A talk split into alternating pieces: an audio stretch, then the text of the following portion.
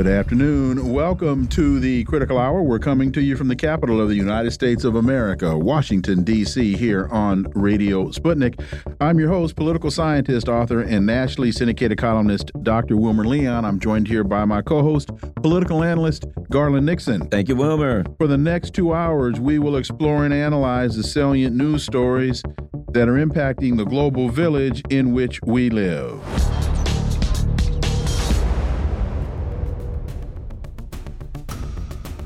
Moon of Alabama has a piece entitled A Move on Rafah Might Be the Spark That Ignites a Bigger Explosion. Egypt and Saudi Arabia have added their voices to a rising tide of criticism of a planned Israeli ground offensive in the Gaza Strip's southern city of Rafah, after Prime Minister Netanyahu indicated that such a campaign was forthcoming. For insight into this, let's turn to our first guest. He's a professor of English literature and Orientalism at the University of Tehran, Dr. Syed Mohammad Marandi. Dr. Marandi, as always, welcome back. Thank you very much for having me. So, Al Jazeera reports that Rafah bombarded as Israel plans ground assault. At least 67 Palestinians were killed in Israeli air and sea attacks earlier today.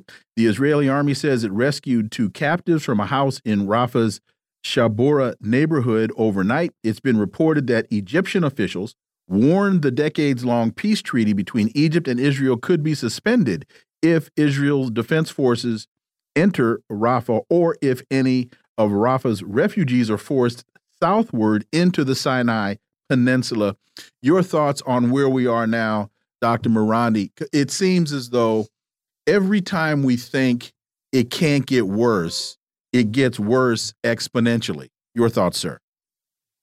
I'm pretty sure that this is what was planned from the beginning, and that Washington and the White House knew quite well that ultimately the Israelis would go after the people of Gaza in Rafah as well. From the very beginning, uh, I think we should have uh, and I think we did take the words of the Israeli regime seriously when they said Palestinians are human animals. We're going to cut off their uh, water, their food supplies, their electricity, um, their medical supplies. When they said that uh, no one is, no one in Gaza is innocent, child or adult, their intention was to destroy Gaza and to uh, destroy the people of Gaza. And uh, therefore, the natural uh, result of uh, this uh, racist mentality, this ra- this uh, deep-seated racism among Zionists, is to go after the people of Gaza. That is, I think, their main goal, actually. So um, most probably, it's going to we're going to be seeing uh, very dark days ahead. Unless uh, there is enough outrage across the globe that prevents the Israelis and the Americans from moving forward. The Americans are against the ceasefire, they are fully behind the Israelis, uh, and the European Union will not take any action that runs against uh, U.S. policy. So the only thing that can change events on the the Palestinian resistance, the resistance in Yemen, Iraq, Lebanon, and elsewhere, and of course, public opinion. Now, whether Egypt or Saudi Arabia move uh, or do anything to block the Israelis, I am not um, optimistic because the Turks, the Egyptians, the Saudis so far have done absolutely nothing, despite the tens of thousands of people who've been killed. It's the real number of people who've been killed is at least forty thousand. If you um, the the many thousands missing under, and they're under the rubble, they're they're all dead, and many thousands have died due to illness. So. I would guess that so far at least 40,000 people have been killed. After 40,000 deaths, um, you know, when you see nothing from Egypt or Saudi Arabia or elsewhere, uh, I think that uh, we shouldn't expect anything more with another 10 or 20,000 deaths in the coming days or a couple of weeks. But I think the only fear in Washington is that this may lead to um, outrage that could destabilize their client regimes in the region. Remember, uh, this Arab Spring, uh, if those of us who remember the Arab Spring or the Arab Awakening or the Islamic Awakening or whatever people like to call it, over a decade ago, it began in um, Tunisia when uh, a, a, young man burnt himself alive in front of a government building, and then that called, caused a wave of unrest and caused the overthrow of numerous governments. This the situation in Gaza, uh, I think, is creating a a rage and anger that uh, is unprecedented, and that's probably the only thing that the Americans really fear. Speaking of that, Egyptian officials have warned that the um, that basically, if Israel doesn't uh, does a ground invasion of Gaza, that they would effectively suspend the 1979 treaty between the two um, countries. Your thoughts on that? It seems that that is a result of the pressure they're feeling, and what would that mean? You know, physically, you know, concretely, um, or would it, you know, just be uh, effectively a move to appear that something's being being done? I don't know. It's unclear. Remember, whenever the Americans or the Europeans, the elite, say that the Arabs say this or the Arab, they're talking about these despots that are close to the West. So it's whether whether it's the Saudi regime or the Emirati regime or the Jordanian regime or the Egyptian regime or any other regime, it doesn't really make a difference in Bahrain or elsewhere. These people really do the bidding of the of the West.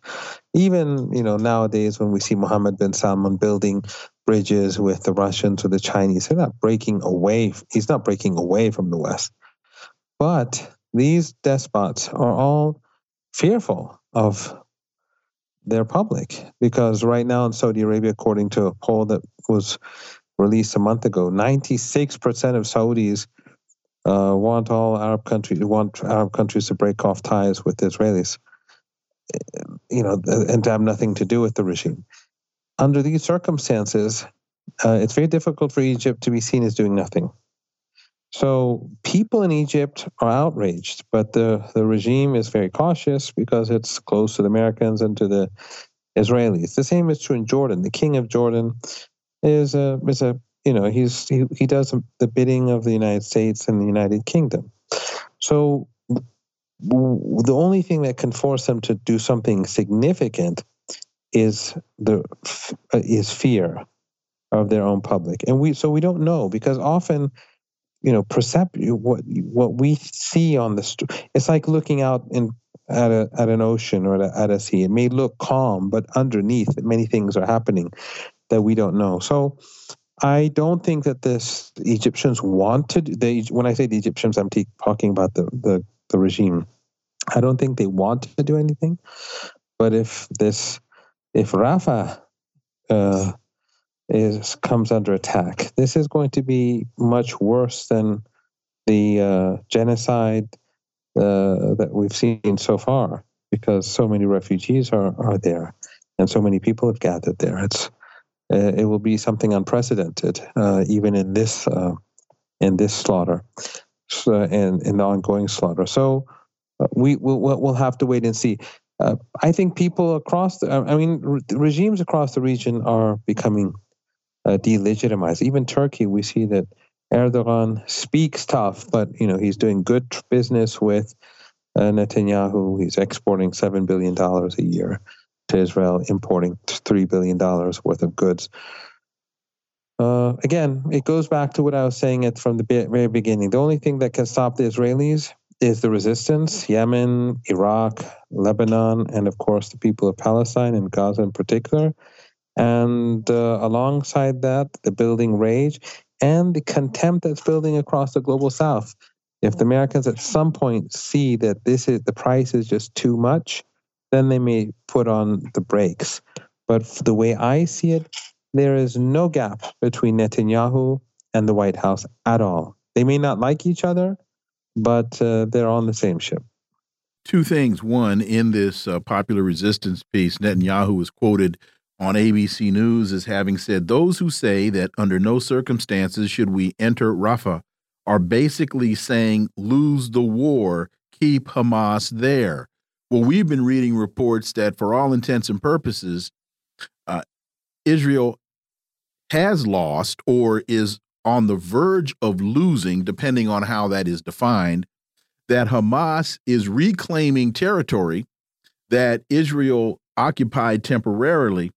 And to your point about the White House, Linda Thomas Greenfield, the U.S. ambassador to the UN, has allegedly cautioned against an invasion, saying that, quote, we have been absolutely clear that under the current circumstances in Rafah, a military operation now in that area cannot proceed. Your thoughts? Well, as we speak, the United States is sending uh, weapons for the Israelis to use in case of escalation in Rafah, and they're sending weapons for the Israelis to use in case of an invasion against Lebanon. And that's another option, by the way. The the, situ- the there's a I think strong possibility that the Israelis will launch a war on Lebanon. And the Americans are preparing the Israelis for that. So they can say what they want in front of the cameras. And that is probably, uh, for the most part, to, to, to create this perception that the Americans are trying to rein in the mad dog. But I personally think that the American, the U.S. government is is the mad dog. They are like the Israelis. They have a, a, a deep-seated hatred and contempt and uh, a racist uh, worldview. They they see the Palestinians as subhuman. I think Washington sees Arabs as subhuman. I think they see uh, the people of our region as subhuman, just like the Israelis. I don't see any real gap. Uh, what is going on today in in Gaza is uh, is an unprecedented crime in human history, simply because it's taking place in front of our eyes. And as we're watching it take place, Western politicians are saying now's not, not the time to stop. Uh, in the past, um, such uh, genocides uh, that took place never ne- they never took place in front of us, in front of a global audience. Uh, and uh, so this is really unprecedented. And watching Western officials, whether German or British or Scandinavian or French or Canadian or Australian uh, speak about the need to continue or you know being opposed uh, uh, to a ceasefire, I think shows that um, uh, they are as medieval as were the despots of the Middle Ages. Dr. Syed Mohammad Marandi, as always, thank you so much for your time. Greatly appreciate that analysis. We look forward to having you back. Thank you very much for having me. Folks, you are listening to the Critical Hour on Radio Sputnik. I'm Wilmer Leon. I'm joined here by my co host, Garland Nixon. There's more on the other side. Stay tuned.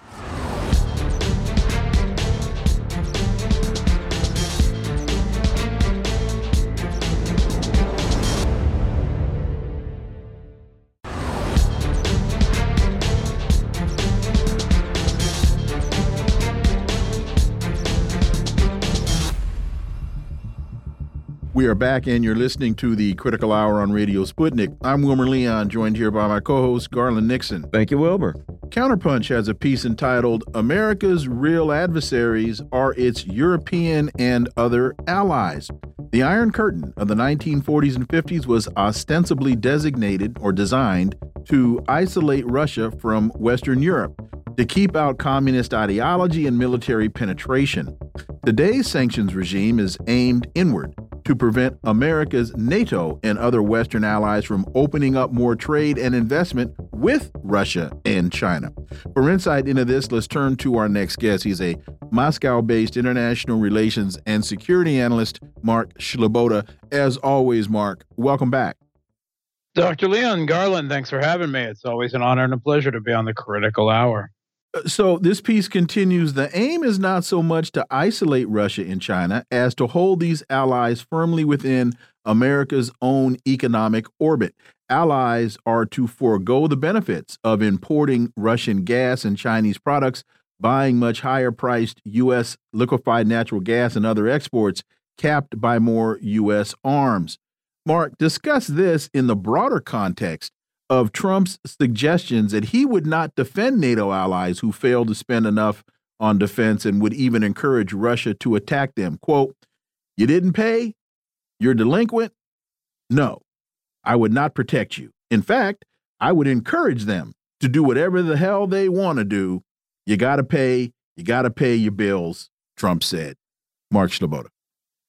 Yeah, I, I think I would uh, term it differently than Michael Hudson. I uh, not entirely disagreeing, but I would argue that America's real adversaries, the real threat to America, is its own foreign policy elite, the blob, the deep state, whatever you wish to call it, that are bent on global hegemony.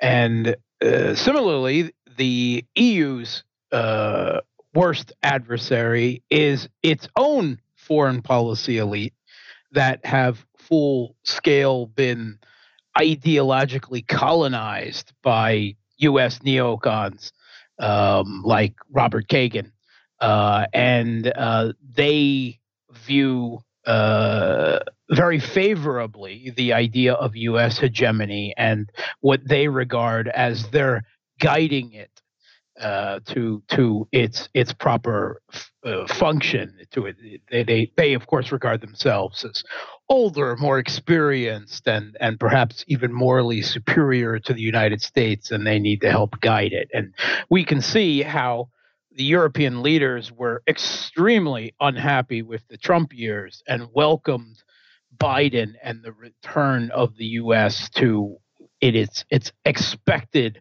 role as hegemon to them. Uh, so they're quite willing to make the economic sacrifices necessary, even if the United States itself is not willing to make the economic sacrifices. Now, this is not to speak to as as Europeans as a whole, but the European foreign policy and technocratic elite in Brussels.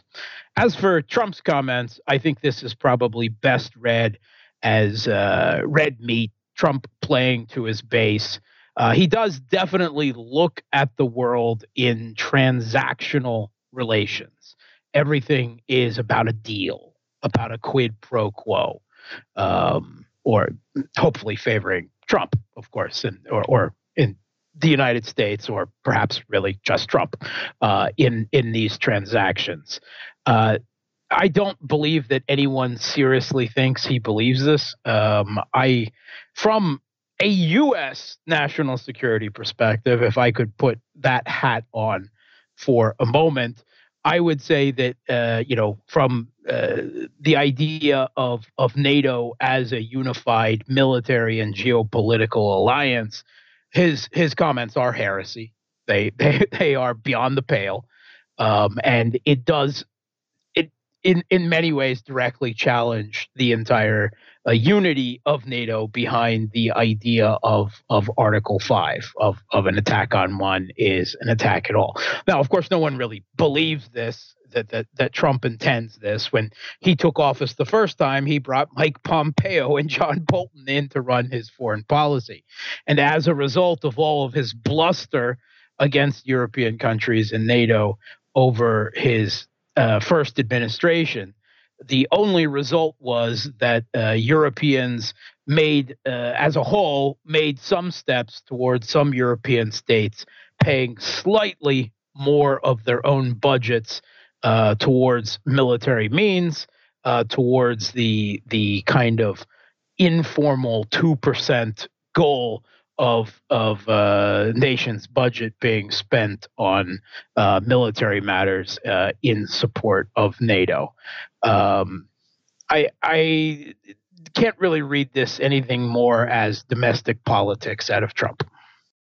Yeah, I, well, you know, and and here's the thing, you know, when you look at the actual actions that the U.S. says, so they're like, oh, you know, this uh, Trump saying this or that about uh, not protecting NATO They literally attacked a NATO country both economically and then economically they attacked the entire NATO bloc. So they physically, militarily attacked uh, uh, uh, uh Germany. They economically set a set of uh, circumstances, uh, dynamics in motion that would impoverish the entire NATO bloc. So I'll just say this: with allies like that, I do not need enemies.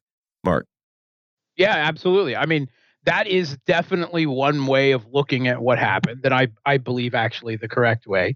The United States, quite obviously, the culprit here with with the uh, motivation, the declared intent, and the capability to destroy the Nord Stream pipelines, uh, did so. Um, uh, and but by their view, this wasn't about German energy security. It was about Russian geopolitical influence, which they saw as a corruptive influence on Germany.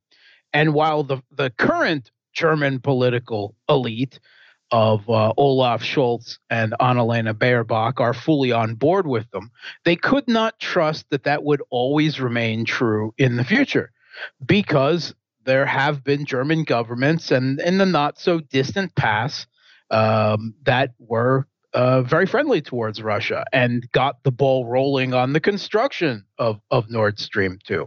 So to prevent that from happening again in the future, to to kind of a scorched earth policy to prevent Germany from taking a step back, they destroyed what they saw as this pernicious uh, uh, Russian uh, influence uh, on Germany and on uh, Europe as a whole um, and they uh, you know have have continued to act uh, what they see as in Europe's best interest that they know better.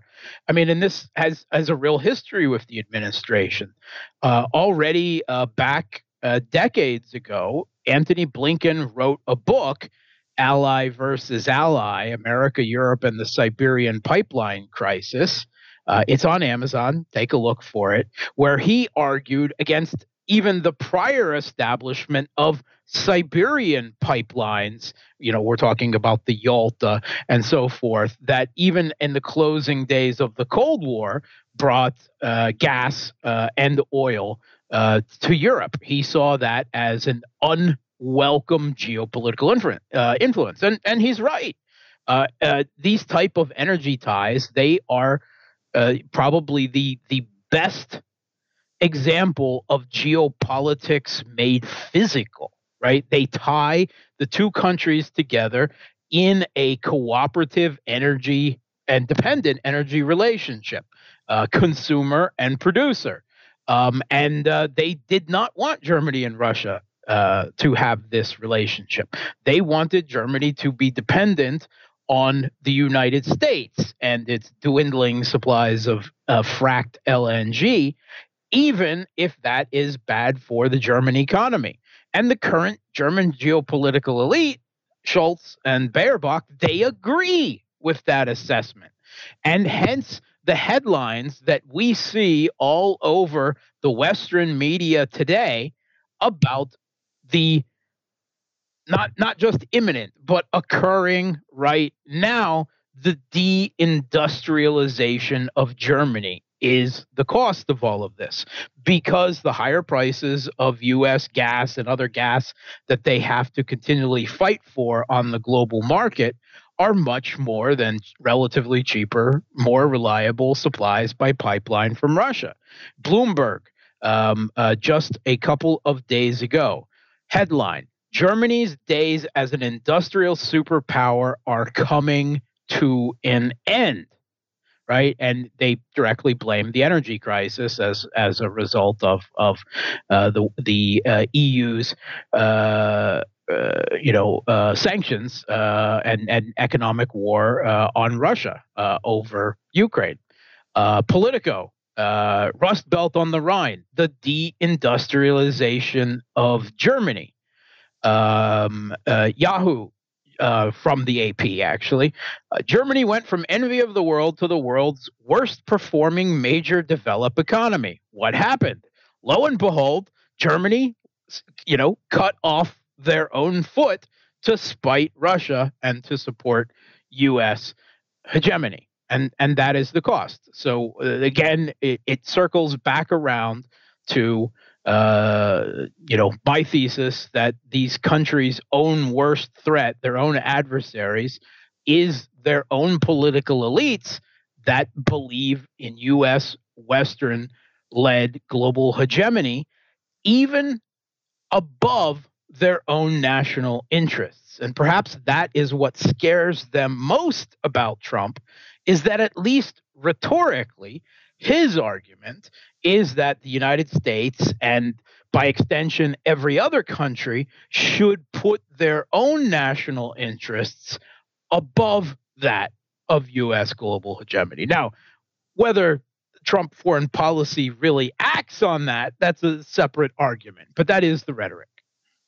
And you just mentioned previously, you mentioned neocons and the blob, and you mentioned Robert Kagan. Well, to bring that full circle, we all know that Kagan is married to Victoria Nuland, who previously served as the national security advisor to Dick Cheney. And then we also found her in the Obama administration. So, what that demonstrates to me is too many of us still want to buy into this this this trope of Republican versus Democrat as though there are differing ideologies, different worldviews, when in fact, no, this is the blob, Mark Sleboda. Yeah, it is right, and and I say neocon, but the the neocon phenomenon is obviously no longer solely Republican, if if it ever was. You could Correct. maybe say once uh, as Stephen Walt argued in Foreign Policy, that they were two flip sides of the same coin the neocons and the democratic humanitarian imperialists that argued from different positions, but ultimately came to the same position in sort of, of, of U.S. hegemony. Now they're just on the same coin. They, we they were the basically arguing over tactic, not objective. Well, I would argue even less a tactic, more about rhetoric, more, okay. more about the All flavor right. of the narrative, the propaganda that went with the the, the pursuit okay. of it. And um, you know, we we saw the neocons during the uh, the Clinton Trump presidential campaign flock to Hillary Clinton, right? Because they saw her as better. And yet, when Trump took into office, it was entirely neocons that he brought in to run his foreign policy and national, you know, national security policy. So the neocons win either way, right? They they have fully uh, captured Washington D.C. There is enough of them spread out that they completely dominate. There are no realists in any positions of power or hopeful to take any positions of power in Washington. And and when I talk about the ideological colonization uh, of the European uh, political foreign policy elite by American neocons like Robert Kagan. I'm sure you remember Joseph Borrell's lovely, evocative, uh, racist rhetoric about um, uh, Europe as a garden and mm-hmm. and the uh, the rest of the world, in particular, uh, Europe, um, Africa as a jungle, right? Mm-hmm. Um, these are directly these are book heading titles by Robert Kagan. The jungle grows back, America and our imperial world of paradise and power, uh, America and Europe as the garden, right? I mean, this is it's not just coincidence. And top political elite in Europe today, they continually quote Robert Kagan uh, when they are making uh, statements, long, usually longer statements and speeches and the like. So it is a very real thing. Um, so um, th- this is uh, a problem that uh, you know both the American and the European people theoretically should deal with themselves by voting into office um, uh, uh, for uh, elites that place their own national interests over their foreign policy. But we see time and again that when they do that, it's just a wolf in sheep's clothing, as Americans got with Trump, who just brought the neocons in anyway. Mark Sleboda, as always, thank you so much for your time. Greatly, greatly appreciate that analysis, and we look forward to having you back. Thanks for having me. Folks, you're listening to the Critical Hour on Radio Sputnik. I'm Wilmer Leon. I'm joined here by my co host, Garland Nixon. There's more on the other side. Stay tuned.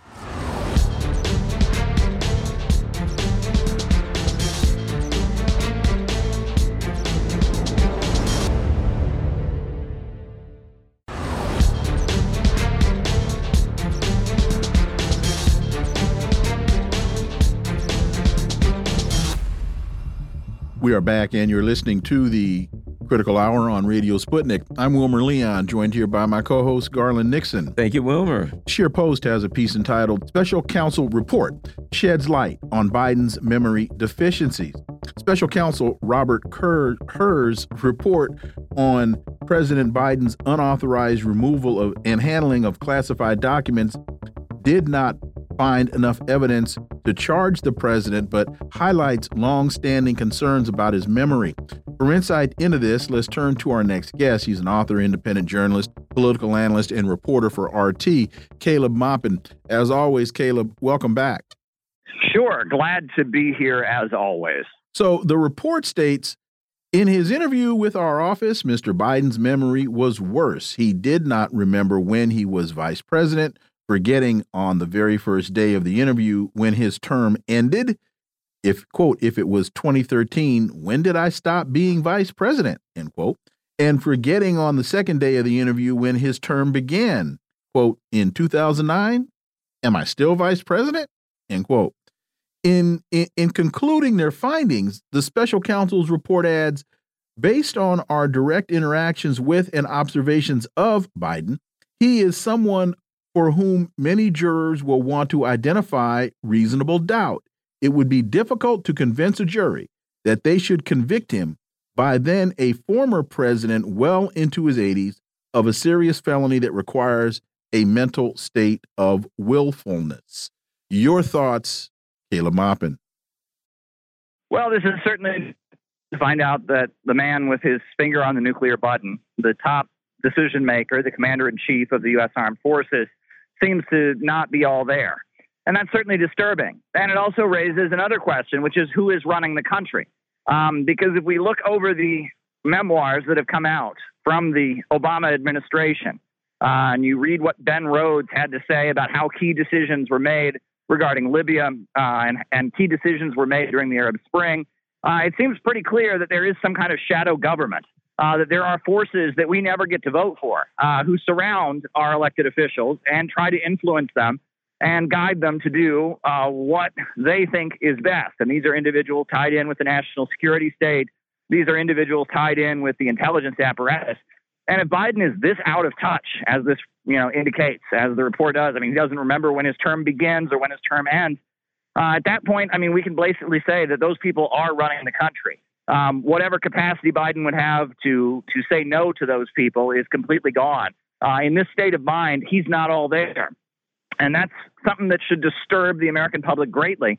And it also raises the question of how in the world is the Democratic Party foolish enough to nominate him to run for president in 2024 once again? I mean, under these circumstances, wouldn't any president uh, refuse to to run? I mean, I mean, this is beyond me that the Democratic Party has decided he will be the nominee, that his vice president, Kamala Harris, will be the vice presidential running mate. I mean, what in the world is going on here? How can they expect to win an election under these circumstances? Uh, let me ask you this to add this in. In light of the charges against Trump, so what the Democrats are saying and what people are saying is if we can get a conviction on Trump, say for having classified documents, then they can somehow stop him. In light of this, when you look at it, there is statements in there that clearly Joe Biden had classified documents, et cetera. It certainly appears that a mitigating factor as to whether or not he would be charged would be his mental capacity. It, it, it, how do the Trump supporters respond if they say, oh, great, we got a conviction on Trump and now he can't run in light of this? Well, I mean, it looks like that they're counting on that. It looks like they're expecting to win by default. Uh, they're expecting that Donald Trump will be banned from the ballot in a number of states. They're expecting that he will be criminally convicted. And so the American public will get a, a man who's not all there psychologically by default. Um, meanwhile, uh, there is a vice president who could never win a national election. I mean, just could never win a national election. Kamala Harris has proven herself to not only be highly unlikable, but since she's been vice president, highly incompetent, incapable of maintaining staff uh, because the atmosphere in her office is so toxic. Uh, that's who who they expect to be running the country, and they're just kind of banking on Donald Trump uh, being disqualified. Uh, this doesn't sound democratic to me at all. Um, if if we're in a situation where the candidate who most people want won't be able to win, and the guy who does win is going to be one that most Americans don't approve of, according to the polls, this doesn't sound democratic at all. Uh, but it seems like what the elite uh, have determined will be the outcome. I am curious how they're going to be able to sell this to the public. I mean, we're told that America is a shining example of democracy. Joe Biden has hosted summits for democracy uh, where he, he talks about the democratic values the USA is spreading around the world. This is ridiculous. Well, what's even as ridiculous, if not more so, is how the narrative regarding Joe Biden is shifting and shifting fairly quickly. We, if we go back to September, and I can't remember, was it Ignatius that uh, wrote the piece? You know, Biden shouldn't run and then uh, we've we've got uh, a number of other former Obama folks coming out and saying that you know the the time is up, and now we've got the New York Times. The question is not if Biden should step aside, it's how. And the first sentence is Joe Biden should not be running for reelection. And then you go from that to real clear politics and you look at the what the data what the polling is saying and i use them as an just as an aggregate for conversations like like this and his approval rating is a negative 16 points and the direction of the country is a negative 41 points that's those aren't good numbers caleb maupin no, they are not. Um, and you have to wonder the 2024 elections, what kind of election are we going to have? at this point. I mean, the Democratic Party was going to have no debates and essentially allow no alternative candidates. You know, Marianne Williamson already dropped out. Joe Biden was not going to debate. Um, RFK uh, has decided he's going to run as an independent rather than as a uh, Democrat. Uh, and then on top of that, we have Donald Trump, you know, just sweeping the Republican primary. But he's indicted, and many states are saying they won't allow him on the ballot, and the Supreme Court is going to have to rule on that question. Uh, what kind of election are we going to have in 2024? What are they going to do? They have an obligation to some degree to present the United States as a country where the consent of the governed is governed is given to leadership, where the will of the people is enacted at the ballot box.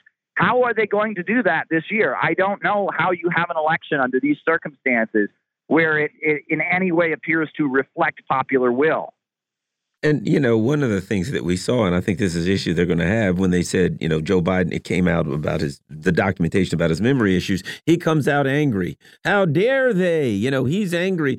Joe Biden doesn't come across as the kind of guy who's going to say, "Hey, you know what? I'll I'll voluntarily step aside." He seems like he's going to hang on to this thing and take the whole thing down with him. And as I said, additionally, if they are able to some by hook or crook charge Trump and somehow get him off the ballot, and you got Joe Biden against God only know who's new, they'll throw Hickey, Nikki Haley or something in there. I, I, there's going to be not just political collapse. There's going to be some serious problems in this country. Anyway, your thoughts?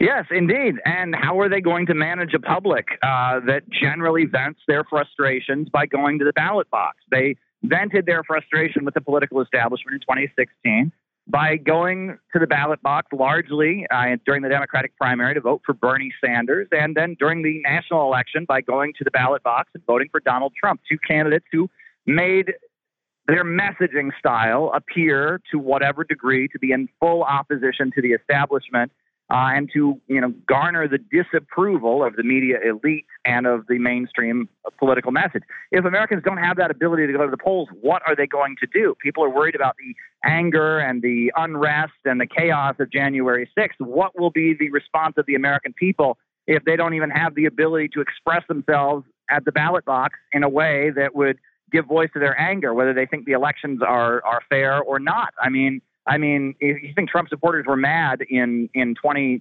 2020 that they, you know, they felt that the election was rigged against Trump. Imagine if Trump had not even been allowed to be on the ballot, what they would have done. Uh, this is getting to be ridiculous.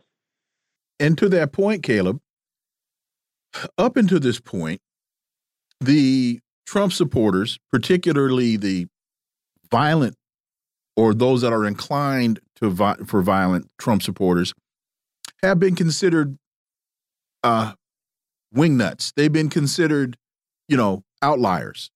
But if they wind up having a confluence of interest or a confluence of disgust or a confluence of frustration with other less inclined for violence but protest nonetheless, uh, this becomes an unmanageable situation. Indeed, it does. And there are questions also about the security agencies of the United States and how divided they are. You know, in many countries, they have one intelligence security agency. Uh, but here in the United States, we have the CIA, the FBI, the NSA, uh, we have Army intelligence, naval intelligence, Air Force intelligence, Coast Guard intelligence. Uh, we, we've got the New York City Police Department that has an office in every state, as well as an office in Tel Aviv. Uh, I mean, we have so many different intelligence agencies and security agencies that are all competing with each other for different budgets, which all contract different private companies to carry out their operations, especially when it comes to digital work and surveillance, uh, as well as social media activities, monitoring, et cetera. At this point, you know, if we have security agencies that are being pulled in many, many different directions um, and have different agendas, how will they respond to some kind of security threat in the aftermath of some kind of widespread anger among the public uh, in response to an election that doesn't appear to give voice to popular sentiment. You know, the New York Times article, the question is not if Biden should step aside, it's how. I look at the New York Times, the Washington Post as like either the, you know, a mouthpiece for the ruling elite or a mouthpiece for Intel, et cetera, the people who are the power brokers. How important is it when the New York Times is writing an article basically saying Biden's got to go? How do we get rid of this guy? Caleb. Well, I I would argue the New York Times speaks for European capital. Uh, it speaks for the city of London. It Speaks for the NATO countries. Um, and it speaks for a particular faction among the American elite. They talk about the Eastern establishment, uh, the Anglo American establishment that Carroll Quigley talked about. We're talking about the intelligence apparatus, and we're talking about certain entrenched wealthy families that are thinking about, you know, ruling the United States strategically with a long-term vision. However, as we saw, that does not represent the entire uh, American elite, right? Donald Trump was hated by the New York Times. That didn't stop him from winning the election. And there were many wealthy people who went along with Donald Trump and supported him. And that, you know, it may be that, yes, the Rockefeller think tanks and the strategists who, who run the United States say Biden needs to step aside. Uh, but Biden, uh, who's got, you know, years running the Democratic Party machine in Delaware and has got connections, uh, Biden may say, you know what, that's that's what they want me to do. Um, but I've got my team of people that are around me, and uh, you know, I've got a, a, group of people who feel that they can handle me effectively.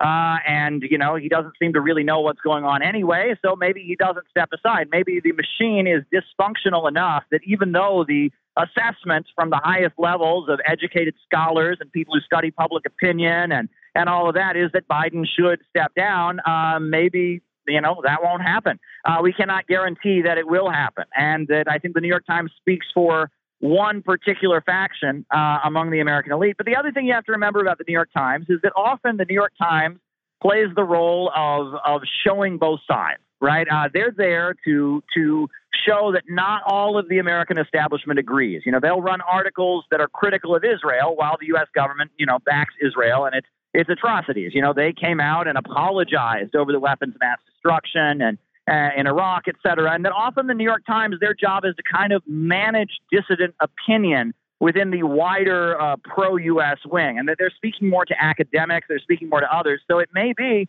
that even though the New York Times says this is what should happen, uh, there is determination among the American apparatus uh, that it's not going to happen, and Biden's staying in it, just as we get out, Garland referred to them as uh, the, the the the mouthpiece. I, in many instances, see them as a barometer. Your thoughts? Indeed, indeed. Uh, the New York Times, like Foreign Affairs magazine, uh, you know, like National the Economist. Radio and PBS, you know, The Economist. Yeah, they represent what certain powerful interests think, but those powerful interests don't necessarily have hegemony. Caleb Maupin, as always, thank you so much for your time. Greatly, greatly appreciate that analysis, and we look forward to having you back. Sure thing. Always a pleasure. Folks, you're listening to the Critical Hour on Radio Sputnik. I'm Wilmer Leon. I'm joined here by my co host, Garland Nixon. There's more on the other side. Stay tuned.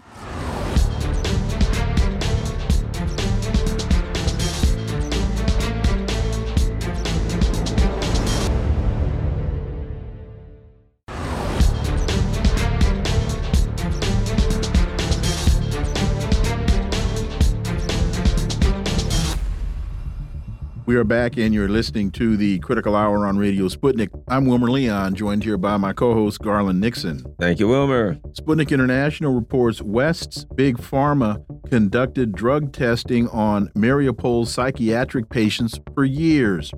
During the restoration of Hospital Number 7 in Mariupol, a construction team stumbled upon a collection of documents in the basement. These findings of interest turned out to be records from a hospital psychiatric ward dating from 2008 to 2016. Upon examination, these documents detailed a series of human experiments involving certain undisclosed drugs which were solely identified by numbers. For insight into this, let's turn to our next guest. She's an independent American journalist and RT correspondent, Rachel Blevins. As always, Rachel, welcome back. I think we've lost Rachel. So we may have had a problem. You know, Garland, uh, according to the documents that were obtained, major Western pharmaceutical companies, with the assistance of Ukrainian officials, purportedly conducted testing of rheumatological drugs on patients in a Mariupol psychiatric ward for years, and anti-rheumatic drugs referred to agents used in the ther in the therapy of inflammatory arthritis, predominantly rheumatoid arthritis. I think we have Rachel Rachel back. So Rachel, your thoughts on what these records indicate and this also is consistent with stories from right after the uh, military intervention uh, started, which was there were biolabs found, uh, American government sponsored biolabs found in Ukraine. Yeah, you know, this is just, it's crazy, but unfortunately, it's not surprising. I mean, we know here in the US that big pharma pretty much runs things in a number of ways, and they have had a stranglehold on Ukraine. And the reality is that we really don't know how much influence they have there, how much of this testing that they have done. And I remember when Russia was coming out over the last couple of years and saying, hey, we found evidence of biolabs. We found evidence that there was testing being done on a number of things. And this was in the direct aftermath of COVID. So you would think that people would be more interested in this. But of course, many people just kind of shrugged it off or they said, oh, well, Russia is saying this. So that doesn't mean much. But as this report is noting, I mean, you have companies like Pfizer, AstraZeneca, uh, Janssen Pharmaceuticals that are being mentioned in these documents. And it raises the questions just what were these companies doing over there? And, you know, even in the aftermath of everything we've come through over the last few years, you still had, thinking back to this weekend, you had the Super Bowl game. Who was the main sponsor of that? Pfizer. And they were advertising for saying, you know, we need to find a cure for cancer, help fund our cancer research. That was the thing they were trying to put in front of people. But I think the question needs to be asked, especially among Americans what are these companies doing in a country like Ukraine? What is that research? And what more is there to those documents? And the fact that it's not getting much coverage at all, I think, is very telling. And you know, when we are we're told that Ukraine is an independent and sovereign country, making their own decisions, blah blah blah.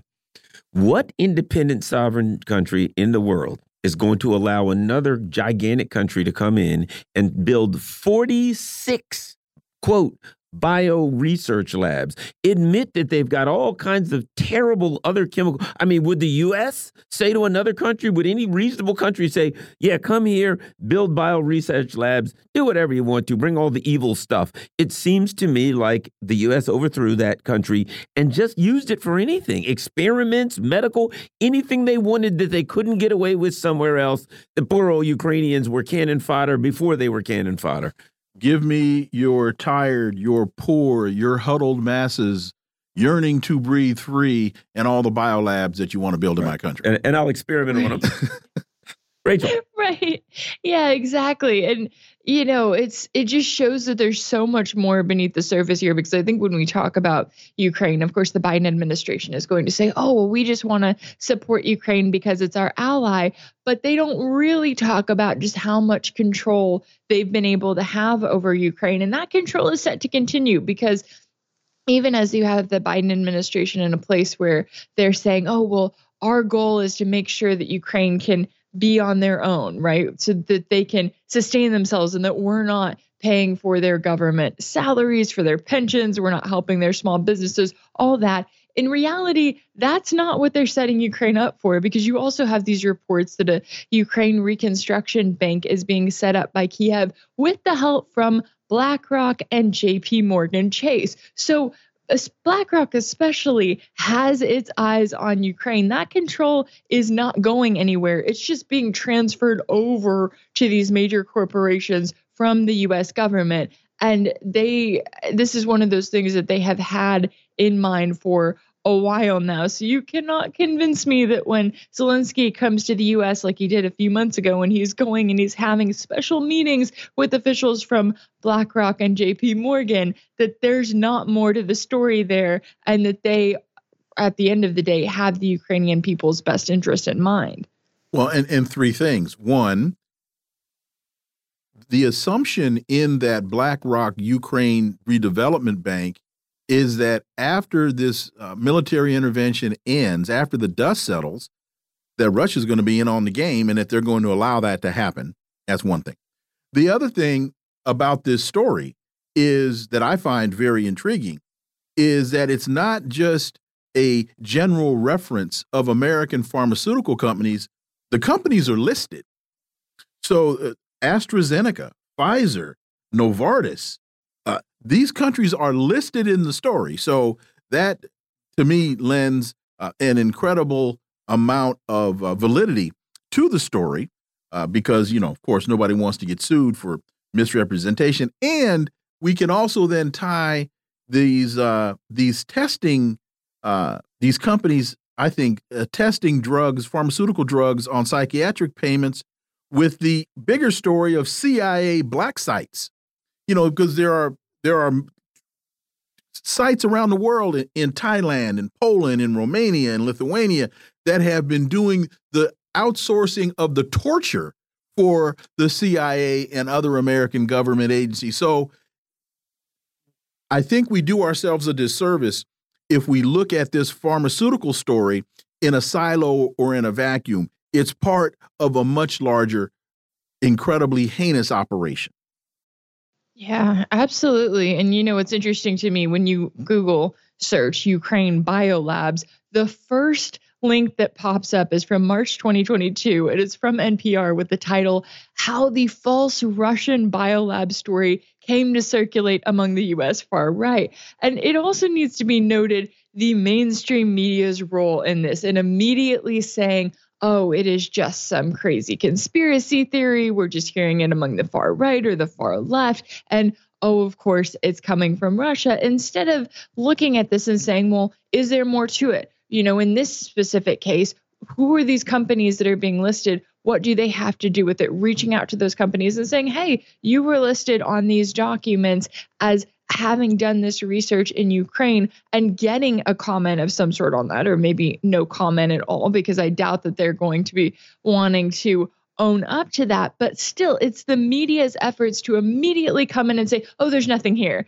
And the average person, they may say, okay, whatever, and then not look further into it. But they should be looking at that and going, wait a second, why is NPR immediately telling me this is just a conspiracy theory? I can't look into this. Why is Google immediately giving me this link instead of maybe some of the latest stories that have been written on it, such as the story from Sputnik? Why aren't I allowed to see that when I'm actually searching on the internet and trying to find out more information about what's going on in Ukraine? What my tax dollars are now being influenced for in this country is, you know, we have continued involvement from the US that is not going anywhere anytime soon. Rachel Blevins, as always, thank you so much for your time. Greatly appreciate it. We look forward to having you back. Thank you guys so much. Thank you. And Garland, as we get out here, you know, they're look in this story, in this instance, they're talking about rheumatoid arthritis. Well, that's something that a lot of people have all around the world. That's they're not they're not giving people uh, uh, uh, psychedelic psychotropic drug testing. They're so why do you have to go to Ukraine and and test these drugs on psychiatric patients, obviously without their consent? The whole thing is just is just messy. We got about fifteen seconds. Well, and and because here's the reason: because really legally they can't give consent. And if they tell on you, nobody's going to believe them. You'll just say, "Oh, come on, they're crazy people. We were giving them M and M's, and they thought they were uh, slipped and fell down." You know, and it, it's uh, really horrible the fact that they're taking advantage. It's almost like a horror movie where they bring psych psych patients in and then abuse them with medical experiments. And one can only wonder, was it in fact just rheumatoid arthritis? Yeah, how about that? That they were checking on. Well, folks, you're listening to the Critical Hour here on Radio Sputnik. I'm Wilmer Leon. I'm joined here by my co host, Garland Nixon. There's another hour on the other side. Stay tuned.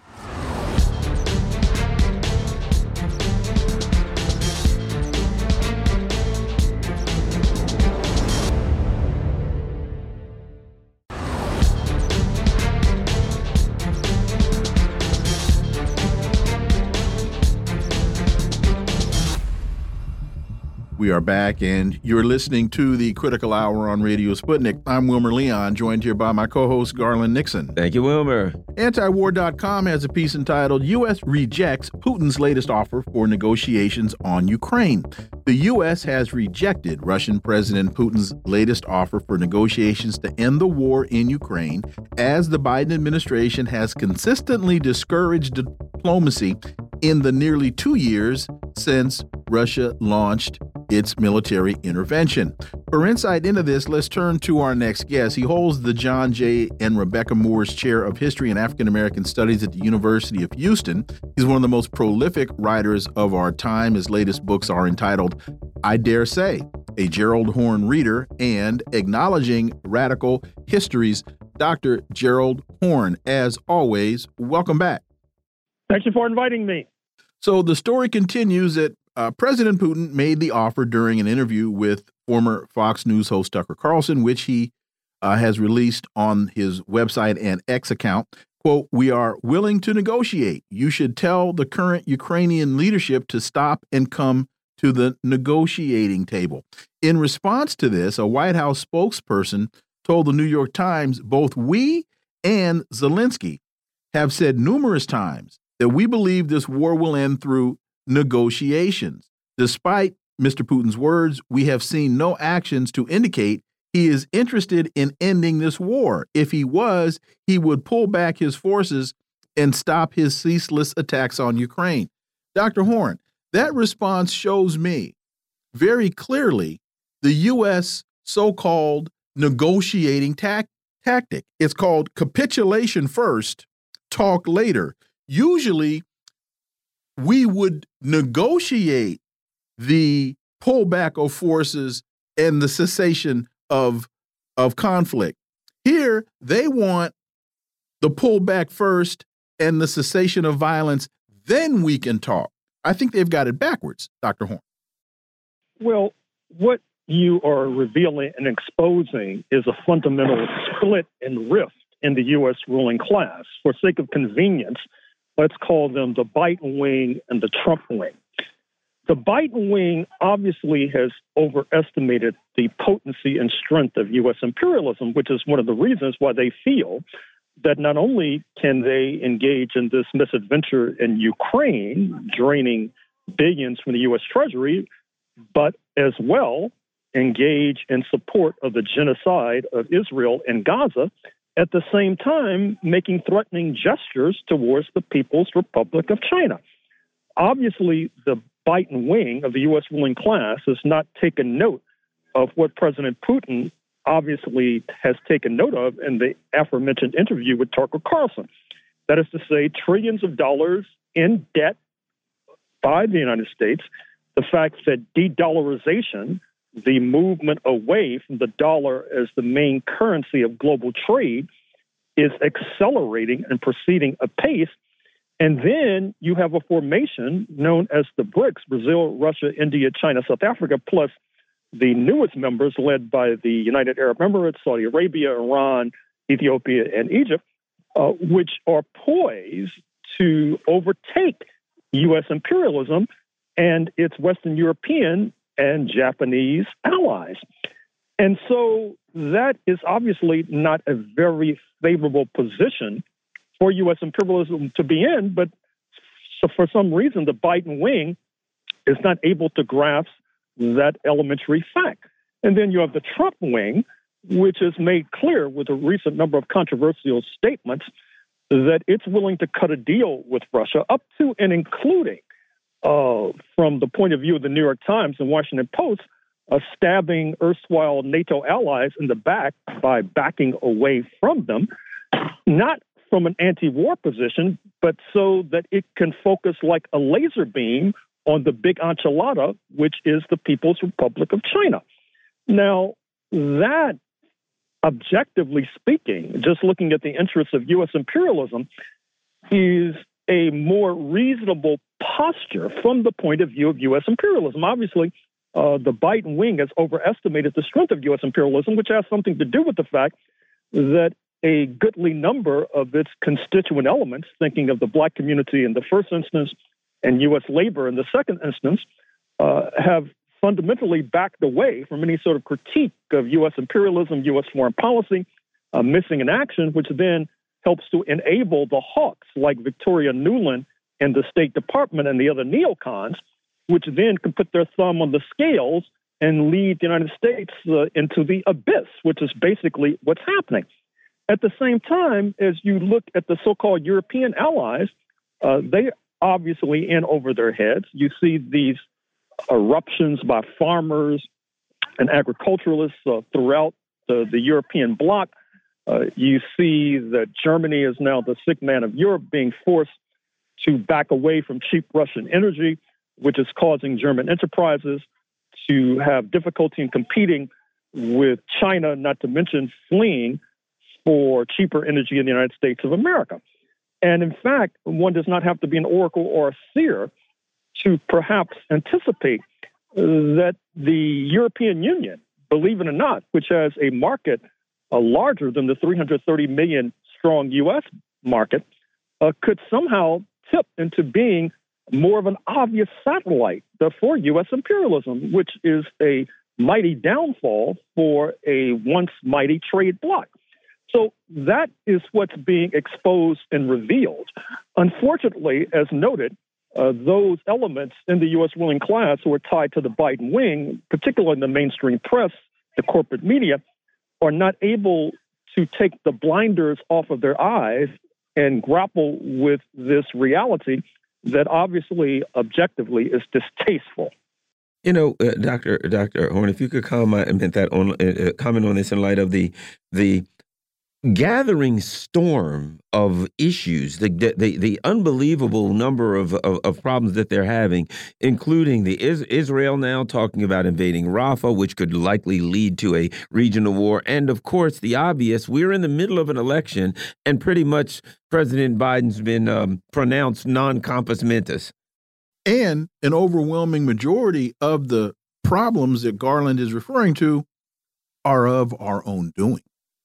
Dr. Horne? Well, to, to put it mildly, I mean, obviously, uh, there's little excuse other than the pressure from the Zionist lobby to continue uh, backing this losing venture in Israel, uh, despite rhetoric to the contrary and despite perpetrating genocide and massacres.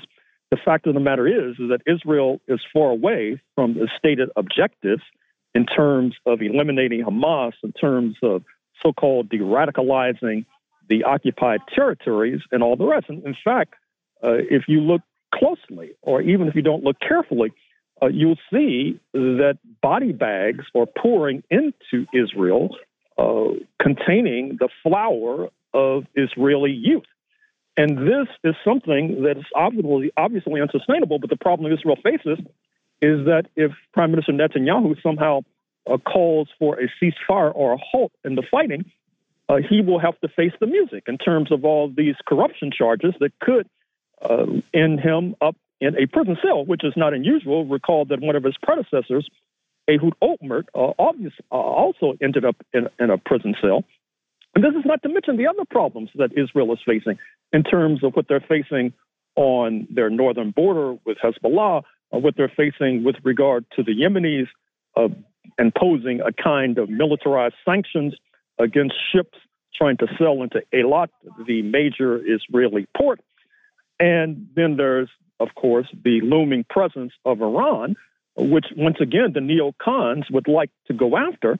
Uh, but I think in their heart of hearts, they realize that that's more than a notion and that uh, it could lead to a more pulverizing setback for U.S. imperialism, the likes of which it has not experienced in years. You mentioned Netanyahu's legal problems, which he's been doing everything in his power to avoid. But there's also the political problem of having lost the war.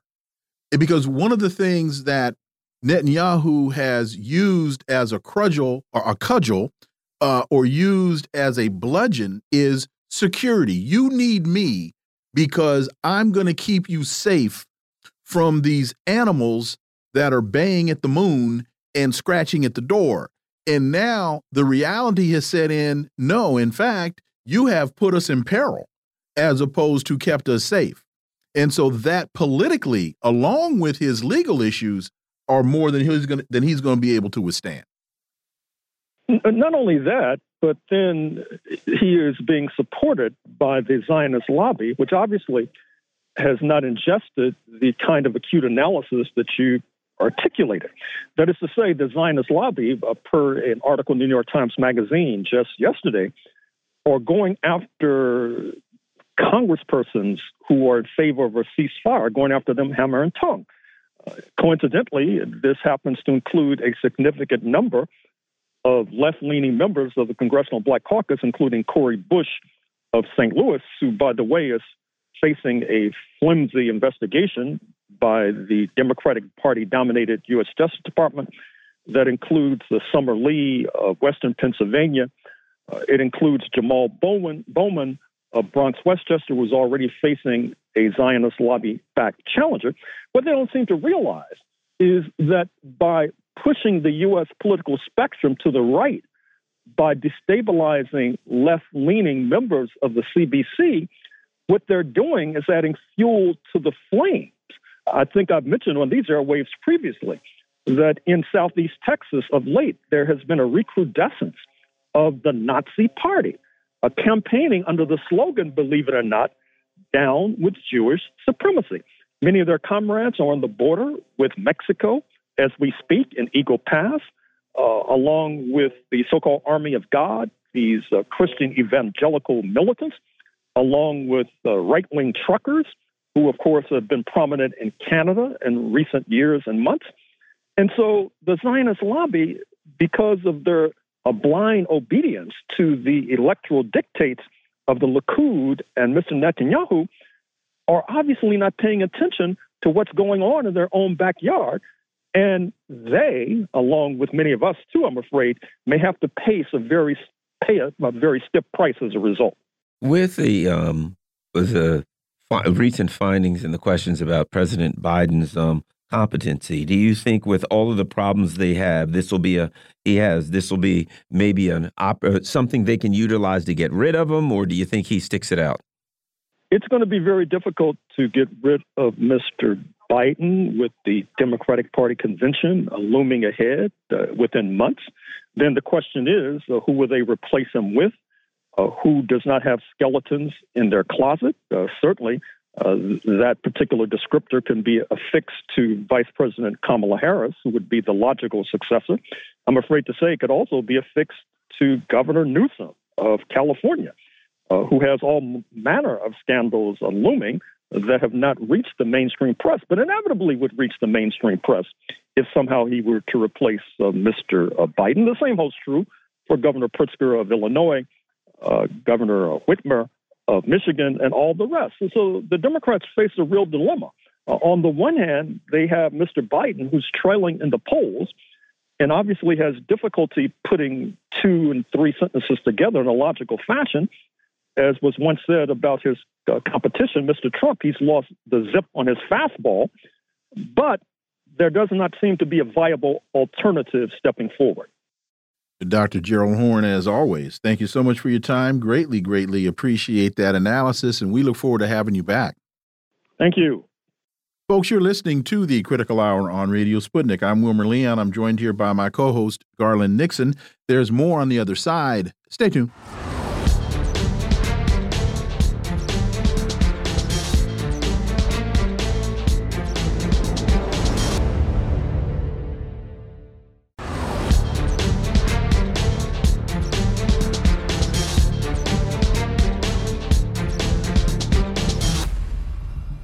We are back, and you're listening to the Critical Hour on Radio Sputnik. I'm Wilmer Leon, joined here by my co host, Garland Nixon. Thank you, Wilmer. The White House reports Trump's NATO bashing comments rile allies, rekindle European fears. But some officials question the veracity of Trump's claim that he threatened to encourage Russian attacks on allies who failed to pay their bills. For insight into this, let's turn to our next guest. He's the co host of Sputnik's Fault Lines, Jamarl Thomas as always, welcome back. What is happening, guys? I hope you guys are doing all right. How's it going today? We're doing great, but in terms of what's happening, that you're supposed to tell us. That's why we called you. um, quote. That quote is so funny to me. Let me let me read this. Let me let me read this for those that so that so everybody can can get in on the joke. Um, one of the president quote one of the presidents of a big country stood up and said, "Well, sir." If we don't pay and we're attacked by Russia, will you protect us? Trump told an audience at a campaign rally in South Carolina, I said, You didn't pay? You're delinquent? Yes, let's say that happened. No, I would not protect you. In fact, I would encourage them to do whatever the hell they want. The Jamarl Thomas. Um, this is funny on two counts. So in one sense, they are like, we think Trump is lying and so we want to focus now on the veracity of the comment because we want to know if Donald Trump said this. Like it's like everybody cared that Joe Biden said that, you know, he got locked up going to see Nelson Mandela, or that he told a you know fired prosecutor in the Zelensky case. Neither one of those things happened at the moment. Meaning Joe Biden was acting like those things was happening in the moment. Neither one of those things happened. Nobody really pointed to the veracity of it. Two, Donald Trump is joking. At least I think he's joking. And what I mean by that is Look, Donald Trump has always pushed NATO to up the amount of money that they're given, basically saying that Europe is loafing and the United States is covering their war bill. That's true. That's true. Now, we use that because we want influence in one sense, and we want Europe dependent upon us militarily. So Europe, you can have NATO, which is basically run by us. We don't want Europe to have an independent military policy. And so in Donald Trump's case, though, he's always been skeptical of NATO because he's right. Europe is basically on the coattails. His point is, I want them to give us more money. And because they haven't been living up to, I believe, 2%, the 2% of their GDP that they're supposed to be adding to it, we shouldn't have to foot the dime for them anymore. You need to pay your bills. That's the way Trump looks at it. So when he's at a campaign stop and he's playing off of this, because the audience, again, believes it. They agree with him on this issue of NATO. And he plays it up. He says, yeah, just like Joe said, I told him, fire him. And he gave me the money within eight hours or whatever. Well, Trump is saying the same thing in a similar sense. Yeah, I told him, you know, if you don't give me the money, I'll tell the Russians to go get you, do whatever you want with these people. We're not going to carry, you know, your water anymore. Into the campaign stuff. It's campaign statements. Look, I think he's serious about the whole NATO countries need to pay their way. I don't know how serious he is where he would say, go get them. Go get him. As if this was a real concern anyway. But but that's my you know, Jamal, here's the other part about it, and we saw this before. I remember when Donald Trump said, "Yes, uh, this was 2016 or 15, whatever it was," and he said, "Yeah, the um, you know, something about John McCain's not a hero. I don't like him or something. Then he said something. He said he was a loser. A loser. I don't deal with people that get captured. Yeah, exactly. and then he was like, and he said a couple of things like, "Oh, the Bush family lied us into Iraq war." And here's what you have: the ruling elite flip out, and they kind of do this. Ooh, we got him now. He said that. We got him now, and they put it all over the news, right? And they're like, "Yes, this is really upsetting to us. Wait till the voters." Read this, they're going to freak out. And the voters are like, man, I, am I can't afford uh, I can't afford a pack of chicken wings. You know what I mean? The voters don't care about this. They care that their rent went up. This is something that the ruling elite get their panties in a bunch about. They put it on all of the channels and they think this is going to take Trump out and it doesn't touch them and they don't understand why. That's how out of touch these people are, Jamarl. They're, yeah, I agree with you. They're out of their minds. Because look, they they need to reconcile why he's popular. And what I mean by that, again, on some level, he's a wrecking ball to the system and everything else. Donald Trump has a foreign policy that comes across very differently than many of the neocons, like a Clinton or Lindsey Graham or Mitch McConnell or John McCain or, you know, Joe Biden, for that matter, or any random Democrat at this point. It freaks them out. What they don't get is that the American public is kind of more there. Like when you're thinking about the war, for example, when Donald Trump was on stage and he was like, Your brother lied us into a war, he got an applause. They, they applauded for that. And even when Donald Trump made this comment about NATO, they applauded. It wasn't like the audience was like, Oh, I don't know what we're supposed to. No, they applauded. They were for that. I would wager to you that the majority of the Republican Party at this point is basically on Team Trump. You got to see a fight within the context of the Republican Party, the Mitt Romneys of the world, the the Cheneys of the world, oh God, how weird does that feel? The Chinese of the world, these this aspect of the party rallying all of the strength that it could basically rally for one last stand behind a Nikki Haley. Nikki Haley is getting crushed by 30 points in her own state. So if Nikki wait a minute, Haley, wait a minute, man, she lost to none of the above. Well, yeah, that was in New Hampshire.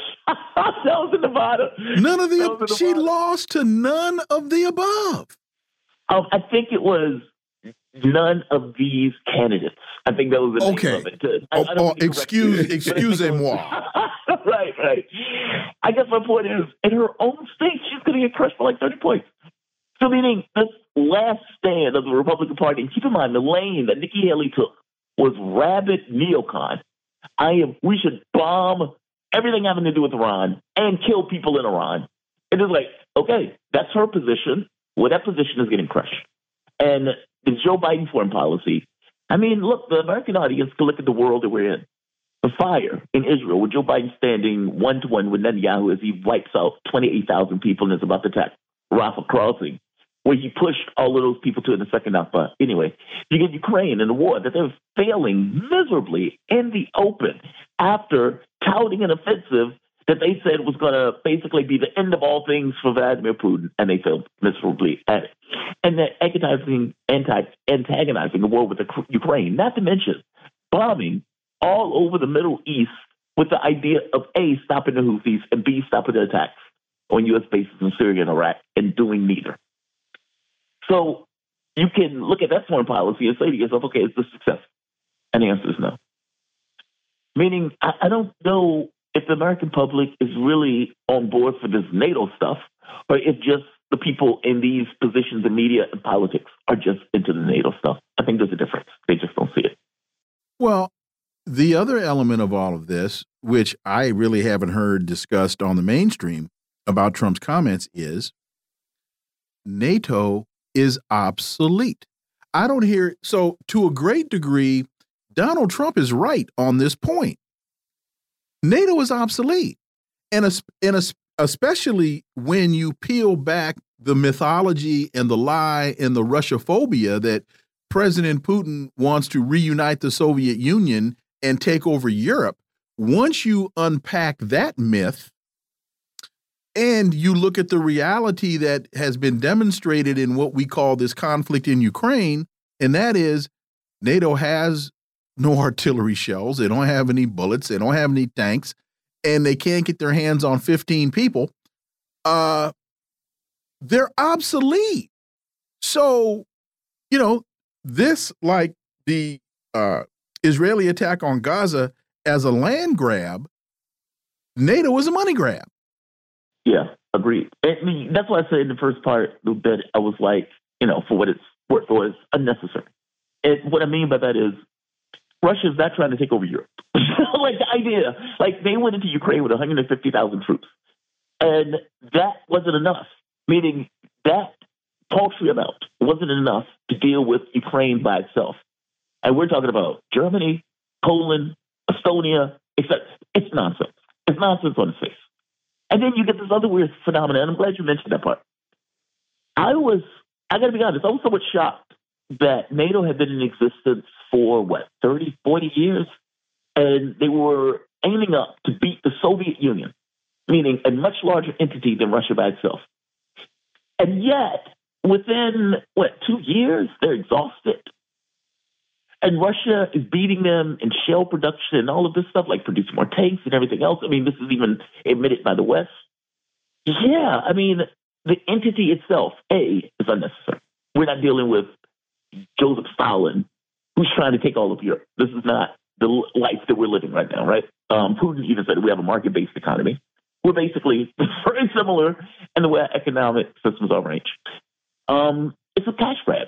They stem up this notion of fear, like Russia's going to take it all. I mean, you even hear it in rhetoric with Ukraine. Putin had been very clear about his reasons for the special military operation.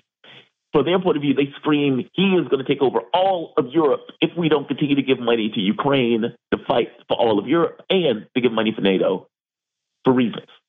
No, I agree with you. I agree with you. I don't see the point. It's absolutely, and Trump is right. It is a cash grab where we're shielding Europe in exchange for basically getting control of Europe's military future. Let, let, let me give one more one more quick example.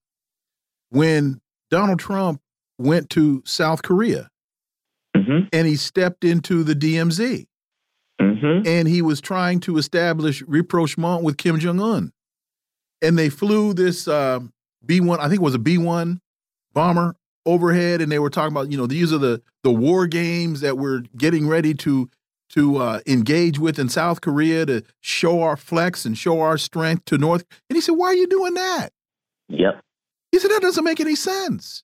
Stop that." just, just another example. Oh, How dare Donald Trump do that? I mean, like, I, I don't. There's something wrong with the psychology of this country. Like, they would say it is wrong for the president to stop those military exercises, even if you bring down hostility when you don't need the military exercises. Meaning, if you just stop and deal with these people like they're human beings, you don't need the military exercises because you can bring down hostilities in the first place.